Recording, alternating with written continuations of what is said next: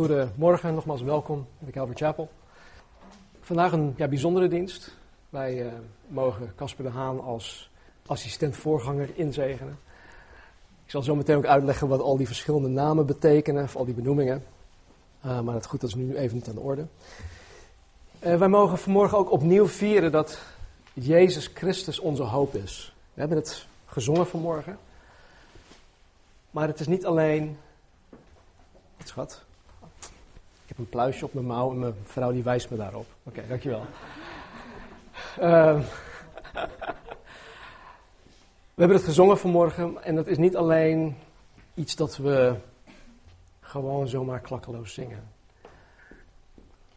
Wij menen dat echt. Jezus is onze hoop. En dan niet een hoop in de zin van, nou weet je, ik hoop nou maar dat alles goed gaat komen. Nee, wij geloven in een bijbelse hoop. Dat wil zeggen een hoop waarin je voor 100% zeker kan weten dat waar je op hoopt, je het zal krijgen. Waar je op hoopt, het zal gebeuren. En dat is pas hoop. En daar kunnen we blij van worden. In een tijd waarin we ja, alles om ons heen zien wankelen. In een tijd waarin de samenleving de zekerheid van een veilig bestaan kwijt aan het raken is. Is en blijft Jezus Christus voor de zijnen een vaste hoop. Hij blijft een vaste burcht waar we naartoe kunnen gaan, een zekerheid. En ik vind dat wij dat mogen vieren. Anno 2015, te midden van alle chaos in de wereld, is Jezus nog steeds, zoals hij 2000 jaar geleden was begonnen, is hij nog steeds hard aan het werk om mensen zoals jullie en als mij hoop te geven. Hij wil ons hoop geven. En vanmorgen gaan we slechts één ding belichten van wat Jezus aan het doen is. En mijn gebed voor vanmorgen, mijn verlangen voor vanmorgen is echt dat jullie hierdoor ook hoopvol zullen gaan raken. Ik weet niet hoe het met jullie zit, maar als ik mijn buren, mijn de mensen in mijn omgeving moet geloven, dan is er weinig hoop meer. Maar Jezus is onze hoop. Ruim 2000 jaar geleden had Jezus Christus zijn plan om de mens hoop, redding en zekerheid te bieden op gang gezet. Het was al iets dat, dat ver daarvoor al besloten was, maar 2000 jaar geleden heeft hij dat plan op gang gezet. En uh, wetende dat hij zelf voor de mens de kruisdood moest ondergaan, uh, dat hij vervolgens uit de dood zou opgewekt worden en vervolgens naar de hemel terug zou keren, koos Jezus ervoor om zijn taak hier op aarde voor te gaan zetten door middel van een team. Een team van twaalf apostelen. Nou, ik weet niet of jullie ooit de taak hebben gekregen om een team samen te stellen. Ik denk dat Taco er wel iets van weet op dit moment. Hij is daar volop mee bezig. Maar het is knap lastig om een goed team samen te stellen. Uh, kijk maar naar ons Nederlands elftal. Oh, ja. Hey, maar het is, het is gewoon lastig. Want je kunt bijvoorbeeld twaalf toptalenten hebben. Twaalf specialisten bij elkaar roepen. Maar als deze twaalf niet op elkaar zijn afgestemd, als hun neuzen niet allemaal in dezelfde richting staan, als ze niet voor elkaar of naar elkaar toe onderworpen zijn, als ze niet hetzelfde doel voor ogen hebben, dan heb je wel een geweldige groep van twaalf van de allerbeste specialisten, maar dan heb je nog geen team. Dus wat doet Jezus om een team te bouwen? Hoe komt Jezus überhaupt aan, aan, aan dit team? Ik zal het voorlezen. Uit Lucas hoofdstuk 12, sorry, Lucas hoofdstuk 6, vers 12 en 13. Het gebeurde in die dagen dat Jezus naar buiten ging naar de berg om te bidden. En hij bleef heel de nacht in gebed tot God. En toen het dag was geworden, riep Jezus zijn discipelen bij zich. Er waren meerdere, er was een hele groep mensen. En hij koos er twaalf van hen uit, die hij ook apostelen noemde.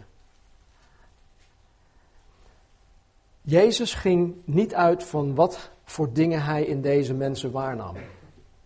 En met andere woorden, hij keek niet naar die is, oh joh, nou dat is zeker een, een discipel, dat is zeker een, een goed teamlid. Nee, hij ging niet uit van wat hij in deze mensen waarnam. Hij ging niet uit van wie aan de strenge eisen van het discipelschap zou kunnen voldoen. Jezus ging niet uit van het beste cv. Jezus ging ook niet uit van de beste karaktereigenschappen. Hij ging ook niet uit van wie het beste met elkaar zou, zou kunnen samenwerken of wie uh, het beste in het team paste. Nee, Jezus had de hele nacht, hij was echt super gemotiveerd. Want ik weet niet hoeveel van jullie iets de hele nacht doen om iets te bereiken. Maar Jezus heeft de hele nacht tot God de Vader gebeden om aan hem te vragen wie hij zou moeten kiezen om een team te gaan vormen. Nu heb ik het niet over de hele nacht uitgaan, want ik weet dat mensen ook gemotiveerd zijn om de hele avond, de nacht door te feesten. Die mensen kom je om half zes ochtends tegen als ze op weg naar huis zijn. Maar weet je, hij had de hele dag door gebeden om aan God te vragen wie hij moest kiezen. En dit is vanuit een seculier oogpunt niet de beste manier om je teamleden uit te kiezen, laten we eerlijk zijn. Vraag maar even aan Taken hoe hij op zijn werk uh, te werk gaat met het vormen van zijn team. Heb jij de hele dag gebeden, Taco? Gekkigheid. Maar goed, dit is wat Jezus deed. En door middel van elf van deze twaalf apostelen heeft Jezus geschiedenis geschreven. Jezus heeft zijn taak door, door middel van deze elf voortgezet. En het werk dat hij toen begonnen was, is 2000 jaar later nog steeds aan de gang. En het is tot mij gekomen. Ik ben door dat werk, dat 2000 jaar geleden gestart is, tot geloof gekomen. En jullie ook. Nou, de reden waarom ik dit noem, is omdat Jezus nog steeds bezig is met het schrijven van geschiedenis. Jezus is vandaag de dag nog steeds bezig om de mens hoop te geven. Om de mens redding te geven, om de mens vergeving van zonde te geven, om de mens zekerheid te geven, te bieden. Alleen doet hij dit nu door middel van gewone mensen, zoals jou en mij. Hij gebruikt mensen van vlees en bloed om zijn werk te doen. En hij doet dat door middel van een plaatselijke kerk zoals, zoals dit. we zijn een kleine gemeente, een kleine gemeenschap. Door de, de, de geschiedenis van de mens heen kunnen wij vanuit de Bijbel ook zien dat God altijd al hoop, zekerheid en redding aan onder andere de heidevolken ook had geboden. Het was niet zo dat God Israël had gekozen door middel van Abraham om alleen maar een exclusief clubje te zijn. Nee, God had Israël juist gekozen om een licht te zijn voor deze wereld. Om alle andere volken om, om het volk heen te bereiken met Gods goedheid, met Gods hoop en zekerheid en redding. En nu, in het tijdperk van het Nieuw Testament, gebruikt God de kerk. God gebruikt ons. Nu moet ik er helaas wel bij zeggen, dat is een kanttekening, dat er een wezenlijk verschil is tussen kerkgangers en geestvervulde wedergeboren christenen. Want vooral in het Westen, eigenlijk de hele wereld rond, is er veel wat zich christelijk noemt. Maar in het Engels hebben we een gezegde. Um, going to McDonald's doesn't make you a hamburger any more than going to church makes you a Christian. Ja? Als je dat niet begrijpt, dan zal ik, uh, vertel ik het straks wel. Helaas is het niet zo dat alle mensen die beweren een christen te zijn, daadwerkelijk Jezus Christus vertegenwoordigen. En het gevolg daarvan, misschien maak je dat zelf nu ook mee, is dat veel van wat christelijk heet helemaal geen hoop of redding of zekerheid biedt. Maar goed, dat is een heel ander verhaal. Daar eh, gaan we het vanmorgen niet over hebben. Nou, om de boodschap van hoop, redding en zekerheid aan de mensen bekend te kunnen maken. En om toegewijde navolgers van Jezus Christus voort te kunnen brengen, moeten wij als een kleine kerkgemeenschap zoals die van ons met elkaar samenwerken. Het is een samenwerking. Het is iets dat wij samen doen. Het is niet wat alleen de voorganger doet. Of niet alleen iets wat alleen een evangelist in de gemeente doet. Of, of wat dan ook. Nee, het is een samenwerking. En deze samenwerking vereist een stukje organisatie. En deze organisatie vereist een stukje leiderschap.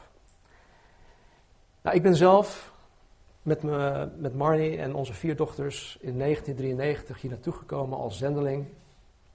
Om hier in Nederland uh, de Calvary Chapel te stichten. Dus uh, officieel zou ik op mijn cv kunnen zetten: ik ben zendeling, ik ben voorganger, ik ben kerkstichter. En ik kan best wel veel. Niet om op te scheppen. Maar ik ben vanuit dat oogpunt best wel breed inzetbaar. Ik, ik kan van alles wel een beetje. En in zekere zin ja, zou je me een generalist kunnen noemen. Maar ik kan zeker niet alles. Ik wil trouwens ook niet alles. En daarom heeft God ons aan elkaar gegeven, zodat niet één enkel persoon alles alleen hoeft te doen. Want God wil ook niet dat ik alles zelf doe. Nou, wat ik. Um, ik heb het wel eens gezien bij mijn collega-voorgangers. Ik heb het ook wel eens zelf meegemaakt. Uh, dat, dat je dan op het punt kan staan uh, om opgebrand te raken. dat als je alles naar je toe trekt, niet, niets uit handen wil geven, niet wil delegeren, maar denken dat je alles zelf het beste kan doen, dan raak je vroeg of laat gewoon opgebrand. En in Exodus 18 staat een geweldig verslag van hoe Mozes, de grote leider van Israël, op het, op het punt stond om een burn-out te krijgen. In onze moderne termen. En de reden waarom hij opgebrand zou raken is omdat hij te veel van het werk in zijn eentje deed. Hij delegeerde dat werk niet. Dus mocht je een Bijbel bij je hebben, laten we openslaan op Exodus 18 en dan vanaf vers 13. Mozes heeft een, uh, een schoonvader die Jethro heet, of heette. was geen, uh, geen Jood, het was een Midianiet. Maar God heeft hem best wel, best wel wat wijsheid gegeven. Hij gaf hem een, ja, toch een stukje inzicht en een, een, ja, een oog voor wat er allemaal gaande was. En hij kon heel goed inschatten wat er, wat er afspeelde met Mozes en met het volk Israël. En hij kwam dus naar Mozes toe en ze hadden een geweldig gesprek. En dan, dan gebeurt dit. Het gebeurde dan de volgende dag dat Mozes zitting hield om recht te spreken over het volk. Het volk stond voor Mozes van morgen tot avond. Toen de schoonvader van Mozes zag wat hij allemaal voor het volk deed, zei hij: Wat betekent dit wat je voor het volk doet? Waarom houd je alleen zitting, terwijl heel het volk van de morgen tot de avond tegenover je staat? Toen zei Mozes tegen zijn schoonvader: Omdat het volk naar mij toe komt om God te raadplegen. Wanneer ze een zaak hebben, komt men daarmee naar mij toe en ik oordeel tussen de een en de ander. Ik maak hun de verordeningen van God en zijn wetten bekend. Maar de schoonvader van Mozes zei tegen hem: Wat je doet is niet goed. Je zult er zeker aan bezwijken. Zowel jij als het volk dat bij je is, want dit is te zwaar voor je. Je kunt het niet alleen doen. Luister nu naar mijn stem. Ik zal je raad geven en God zal met je zijn. Jij moet het volk bij God vertegenwoordigen en jij moet de zaken voor God brengen. Je moet hun de verordeningen en de wetten voorhouden en hun de weg bekendmaken waarop zij moeten gaan en het werk dat zij moeten doen. Jij echter, jij moet daarnaast onder heel het volk omkijken naar bekwame mannen, godvrezende, betrouwbare mannen, die een afkeer hebben van winstbejag. Je moet leiders over duizend, leiders over honderd, leiders over vijftig en leiders over tien over hen aanstellen. Ze moeten altijd over dit volk oordelen. Maar laat, het, maar laat het zo zijn dat zij elke grote zaak bij jou brengen en zelf over elke kleine zaak oordelen. Maak het zo voor jezelf lichter en laat hen die last samen met jou dragen. Als je dit doet en God het jou gebiedt, dan zul je staande blijven. En zal dit hele volk ook in vrede naar zijn woonplaats gaan. Mozes luisterde naar de stem van zijn schoonvader en deed alles wat hij gezegd had. Mozes koos daarom uit heel Israël bekwame mannen en stelde hen aan als hoofd over het volk. Leiders over duizend, leiders over honderd, vijftig en leiders over tien. Zij oordeelden altijd over het volk. De moeilijke zaken brachten zij bij Mozes, maar over elke kleine zaak oordeelden zij zelf. En toen liet Mozes zijn schoonvader gaan en deze ging terug naar zijn land. Tot zover. Mozes schoonvader Jethro, wijze man, hij zag dat het niet goed voor Mozes was en ook niet voor het volk dat hij alles in zijn eentje deed. Stel je voor, hè, je komt ergens naartoe. Ik denk dat wij al, al moeite hebben met uh, de, de Sinterklaas en de kerstdrukte als we ergens in de rij moeten gaan staan. Maar stel je voor dat je echt een probleem hebt in je huwelijk tussen man en vrouw. En de man zegt nee, het is uh, mevrouw de schuld. En de vrouw zegt nee, het is mijn man de schuld. En oké, waar moeten we naartoe gaan? We gaan naar Mozes toe. En dan moet je de hele dag wachten. Van s ochtends tot s avonds. En misschien kom je s'avonds niet eens aan de beurt. Nou, dan ga je weer naar huis, ga je de volgende dag weer. Dus het is sowieso niet goed dat alleen één persoon dit deed. En deze schoonvader Jethro zag gewoon dat het niet goed voor Mozes was. En ook niet voor het volk. En hij zei tegen hem, als je zo doorgaat, dan ga je eronderuit. Dus God gebruikt Jethro om Mozes hierin te helpen. En wat ik, hier, wat ik hieruit wil halen is dit. Eén, dat, dat, dat Mozes het lijden van het volk niet in zijn eentje kon of aankon. Dat was gewoon niet goed. En twee, dat, dat God ervoor gezorgd had dat er mannen in hun midden waren waaraan Mozes diverse taken kon delegeren. Ja, dus even die twee dingen. Nou, ik, ik ben een tijdje uit, de, uit het bedrijfsleven, dus ik weet niet wat voor nieuwtjes er allemaal zijn. Maar volgens mij is dit een tijdloos managementmodel. En dit is ook wat Jezus met de twaalf apostelen deed. Dit is ook wat de apostel Paulus vervolgens deed en wat hij vervolgens ons ook instrueert. Paulus was de kerkstichter van het Nieuw Testament. Hij heeft op zijn minst veertien kerken gesticht. Persoonlijk denk ik dat het meer zijn. Maar goed, die worden niet in het, in het Nieuw Testament genoemd. Dus laten we bij veertien houden. En één zo'n kerk was op het eiland Kreta. Door de Heilige Geest geleid kwam Paulus in Kreta. En wat, wat, wat, deed hij? Hij deed wat Paulus normaal gesproken ook deed. Hij verkondigde daar het evangelie, vertelde mensen over Jezus, vertelde mensen over de hoop, de zekerheid, de redding, vergeving van zonde, enzovoort, enzovoort. Hij bracht het goede nieuws. En wat gebeurde er? Mensen kwamen tot geloof. En niet alleen één of twee, maar meerdere mensen kwamen tot geloof. Zelfs zo dat er meerdere plaatselijke kerken ontstonden in, of op het eiland Kreta. En om deze mensen, deze verschillende groepen, deze huiskringen te kunnen leiden en dienen en te onderwijzen, moest hij een leider aanstellen. Een leider aanstellen die vervolgens weer andere leiders aan kon stellen.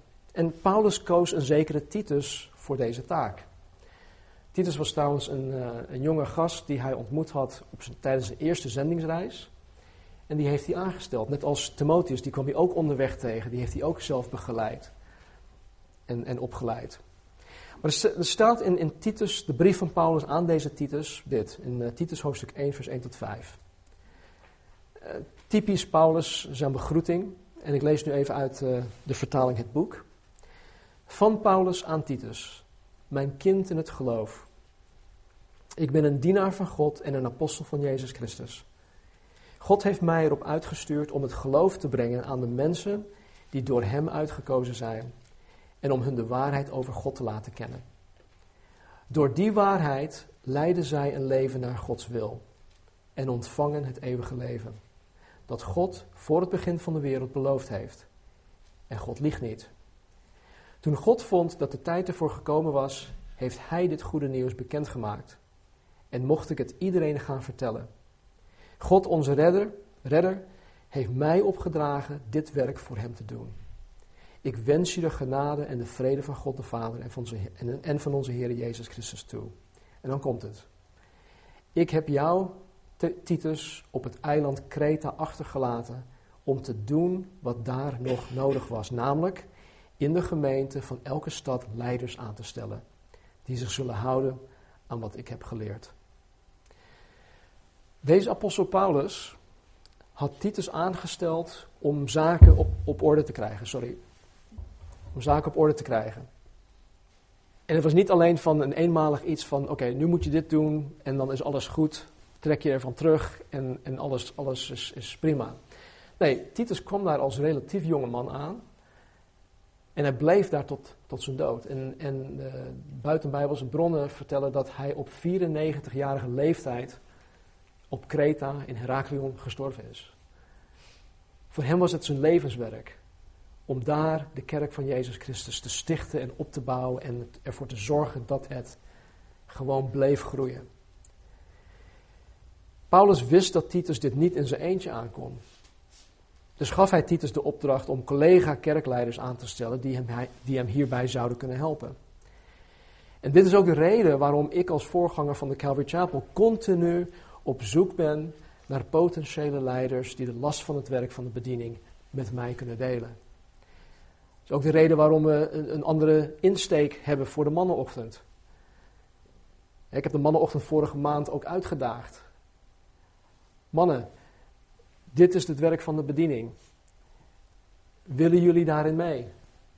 Wil je, je, wil je jezelf daarvoor opgeven? Wil je je leven neerleggen om, om dit werk, zoals wat Titus hier ook zegt, om dat, dat voor, te, voor te, te, te brengen? Dus ik heb altijd wel een, een agenda, een, geen verborgen agenda, maar ik ben altijd op zoek naar, naar mensen waarvan ik denk, hé, hey, ik zie God, Gods hand op die persoon. Ik zie Gods genade, ik zie bewijs van Gods genade en, en, en alles, zijn, zijn werk op die persoon. En heel vaak hoef ik die mensen ook niet te overtuigen van, joh, wil je alsjeblieft meedoen? Nee, het gaat vanzelf, het, het, is, het intrinsiek, het komt vanuit zichzelf, het komt van binnenin en dan willen ze God dienen en dan doen ze, doen ze het vanzelf. In onder andere de herziene statenvertaling staat dat Titus van stad tot stad ouderlingen moest aanstellen of oudsten. Dit woord oudsten is in mijn mening een beetje misleidend. Misleidend het, omdat het, het suggereert dat zo'n persoon van een hogere leeftijd hoort te zijn. We waren afgelopen vrijdag bij uh, iemand op bezoek en uh, we zaten rond de tafel. En uh, die persoon die, die, hoorde, die hoorde, nee, die kwam tot geloof en die, eh, die zat in een gemeente. En het waren eigenlijk degenen die in, leiderschap, in het leiderschapsteam zaten, waren allemaal oudere mannen. Het waren niet eens 50-plussers, het waren echt 60-plussers. De voorganger, ehm, de oudste, het waren allemaal echt oudere mannen. Dus toen ehm, zij gevraagd werd om naar onze kerk een keertje te komen, niet door mij, maar door iemand anders, dacht ze van, weet je, ik, ik, wil, ik wil toch eerst die man horen. Dus mij. Dus ze had wat preken van, uh, van, vanaf de website gedownload. En ze dacht van, hey, die man heeft een jongere stem. Ik was toen 42. ja, oké, ja. Ik had nog geen grijze baard. En ik had nog iets meer haar. Maar goed, ze dacht van, hé, hey, wat, wat, wat vreemd. Het, hij klinkt zo jong. Hoe kan dat nou? Hij hoort toch veel ouder te zijn?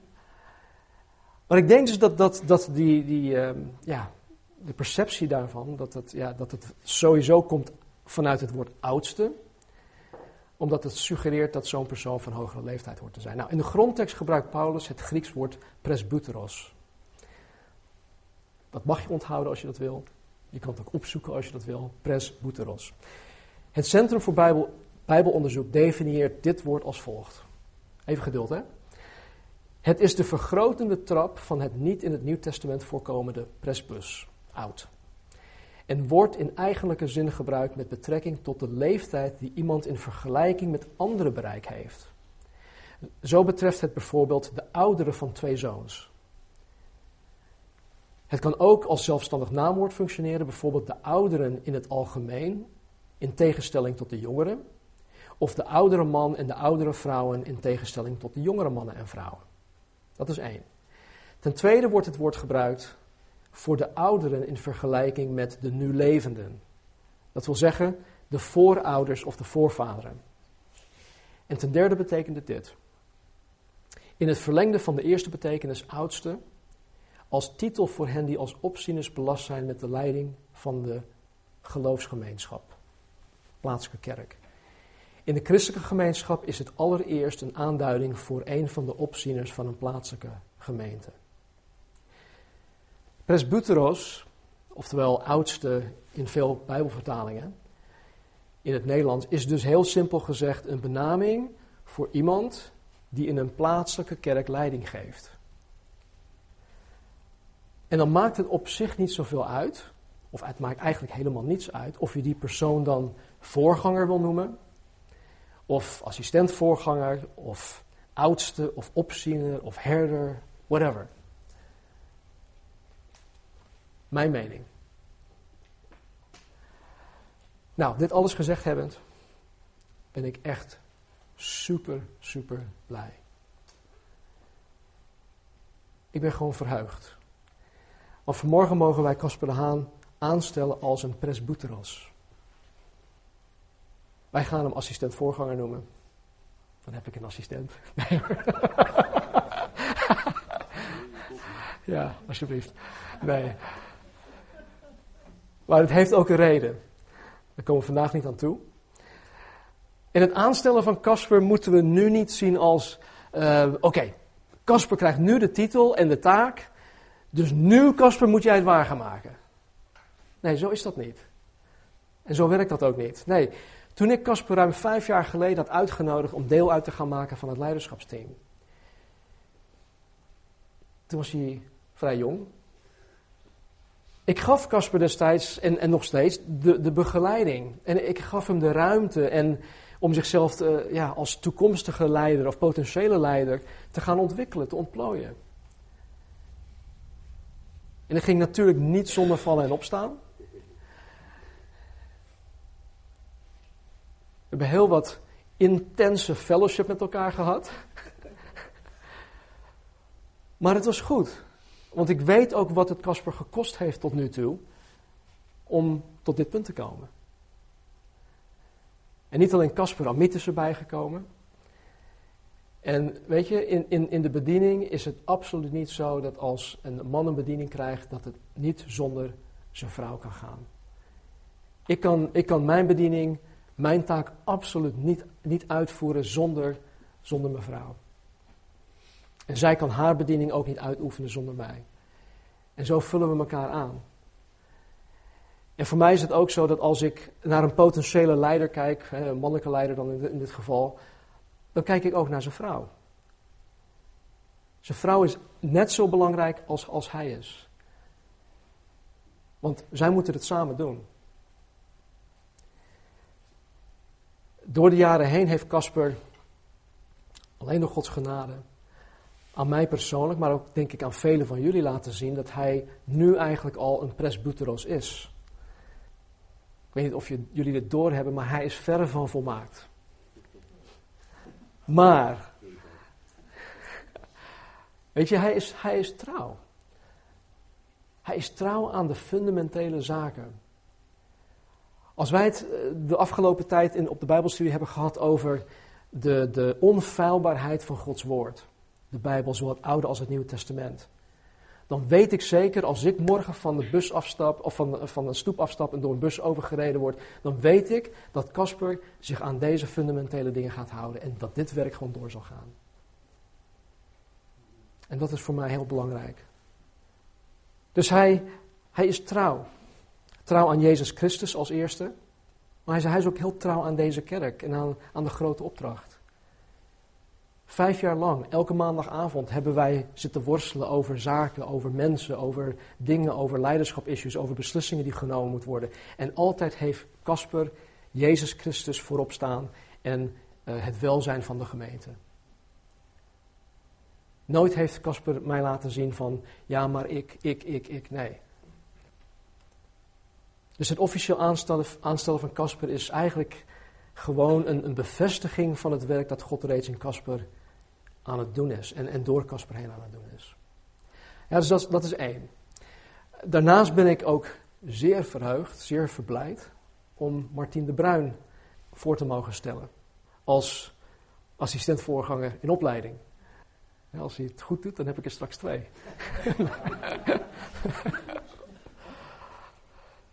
Martien schoof in juni dit jaar bij het leiders, leidersteam aan.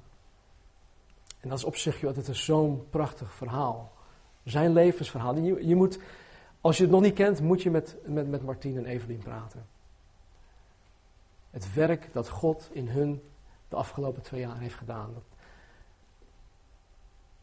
Geen enkele psycholoog kan daar tegenop. Wat God in hun heeft gedaan.